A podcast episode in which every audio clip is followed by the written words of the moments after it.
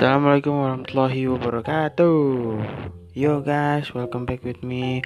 So hari ini gue bakal nge-podcast lagi. Dan podcast gue hari ini adalah tentang uh, Wabah virus corona atau covid-19 Yang sekarang ada di Indonesia.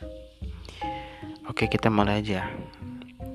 Dikutip dari World Economic Forum pada 23 Maret 2020 Indonesia adalah korban terbesar ketiga pada pandemik flu Spanyol pada tahun 1919.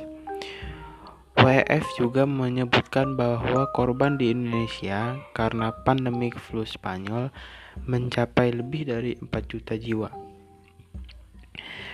Menurut pendapat seorang profesor ahli Asia, yaitu yang bernama Siddharth Chandra dari Michigan State University, menyebutkan hasil penelitiannya tentang kenapa Hindia Belanda pada waktu itu mengalami kegagalan mengalam, mengatasi pandemik flu Spanyol. Chandra menyebutkan bahwa pemerintah kolonial Belanda pada waktu itu cenderung menutupi informasi tentang pandemik flu Spanyol. 2. Karena mereka menganggap remeh dan respon yang sangat lambat.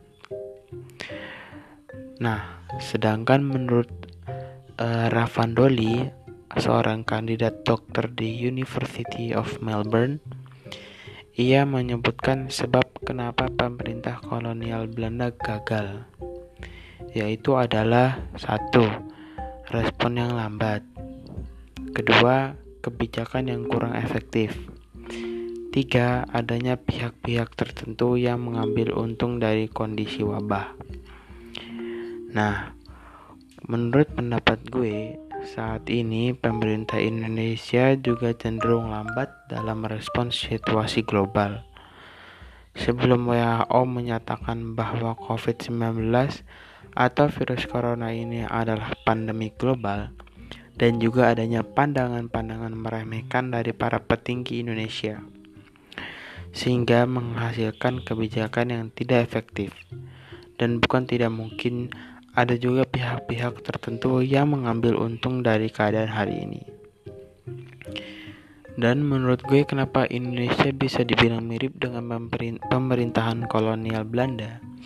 Karena mereka melakukan kebijakan tertentu untuk mempertahankan eksistensi politik mereka.